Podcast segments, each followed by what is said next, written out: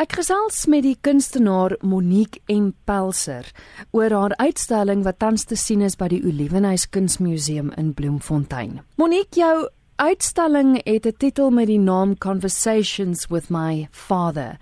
En soos ek wat ja. ek kan aflei aan die persvrystelling eh, handel uit die aard van die saak oor jou pa, maar dit het ook te doen met die feit dat hy oorlede is, né? Ja, ja, dit dit het ehm um, ehm um, my vader het ehm um, dit gaan met uh, motor neuron disease in uh, uh, 2009 um, the the disease is progressive bulbar palsy, and um, it's a it's a degenerative disease where the central nervous system shuts down. En um, hy siek was, het ons oor die gepraat dat ehm ons uh, we, we, we should collaborate on a work looking at um, the fact that my grandfather, his father, was a policeman, and my father was a policeman, so we could have this this this three generation conversation about the the South African police. Um, because we were we were quite aware that our two lifetimes, my father's lifetime and my lifetime, span the history of the, the South African police during apartheid and the fall of it. And my father's career as a policeman, he stayed in he stayed um, he, he left the SAP, but he was instrumental in setting up the Johannesburg Metropolitan Police. Um, and so he was he was he was functioning as a as a law enforcer during um, during the shift of the country. Dit aan die titel wil dit vir my voorkom asof dit 'n baie intieme uitstalling is.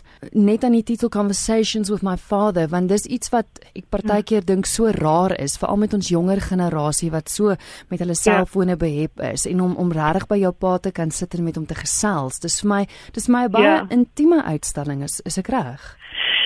Yeah, but it's also ironic because um, a lot of the material that we dealt with, that I dealt with, um, I actually dealt with after he had passed away.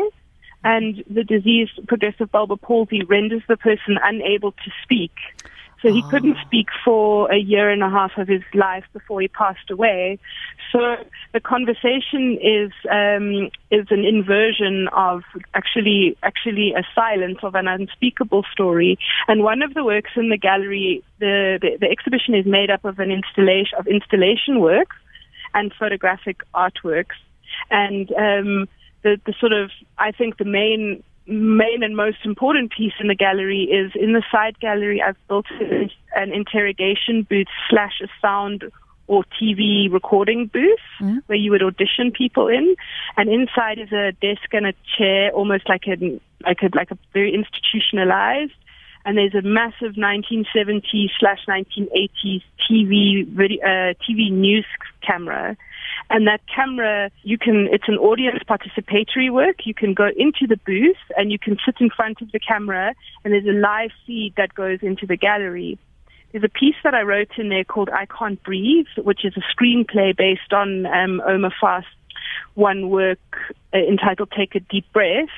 And the, the performance piece I make is I read the entire script, but it's it's mute. It's a mute performance. Mm. So the the work is very much about this kind of slippage between um, looking, recording, exposing, hiding, having the conversation, not having the conversation, being present and being absent. It's also important for me to to to to mention that the the father in this sense is not my dad. I use my father I use my father as an entry point to looking at our fathers. And so the father is a metaphor for, for, for society, in fact, and for patriarchy. So um, it's very much about my father's father, my grandfather's father, and you know, and and your father and our fathers.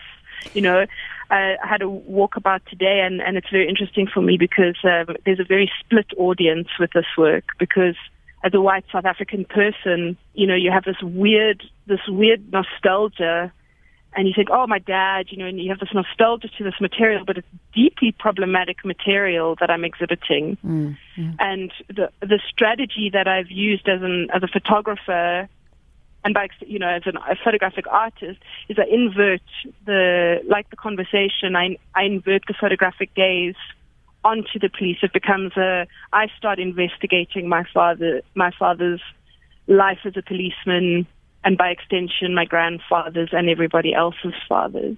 The motive of looking all over the gallery. I've worked with the CCTV cameras in the gallery. Mm. They, they, you're being you're being you, you're being directed to notice how you're being watched in the space. Ja, is dit ja. ook waarom jy die tema van autoriteit so sterk ingebring het?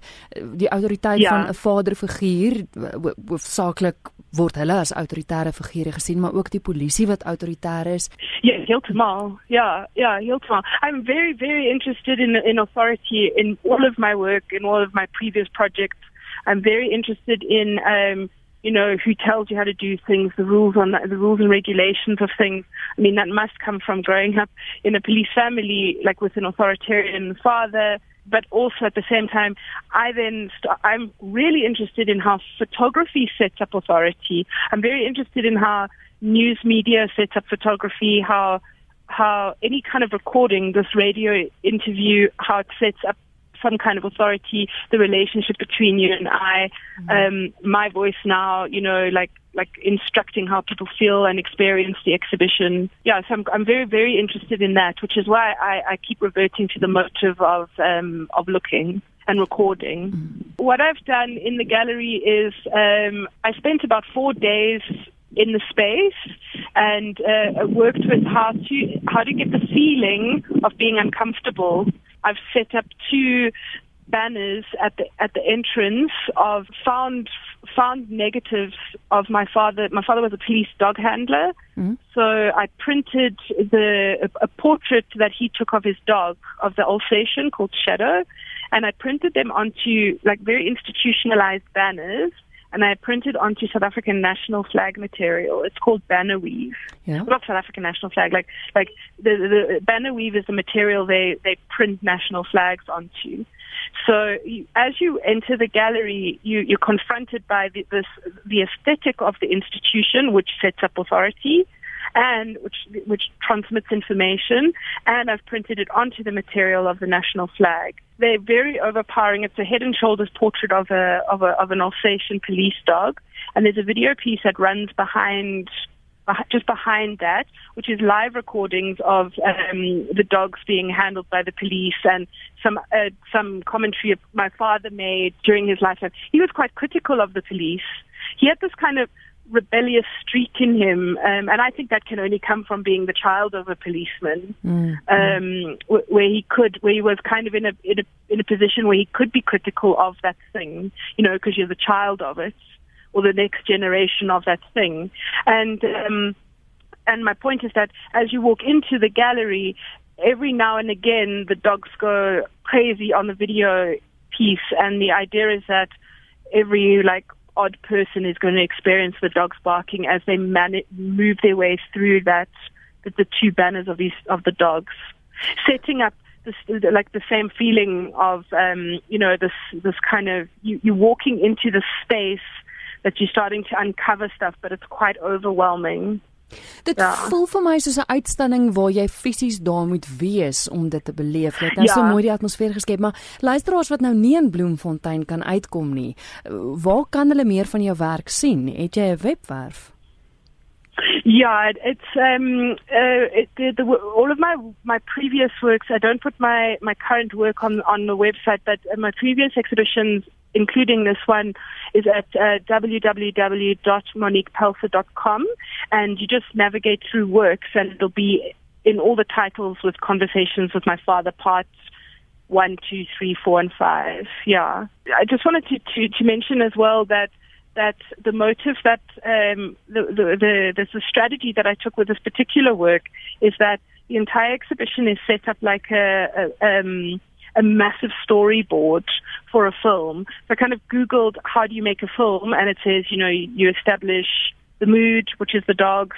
You walk in and you set the scene, so there's the Southern African landscape, and they're pinned onto poster boards that you would find in like a very institutional space.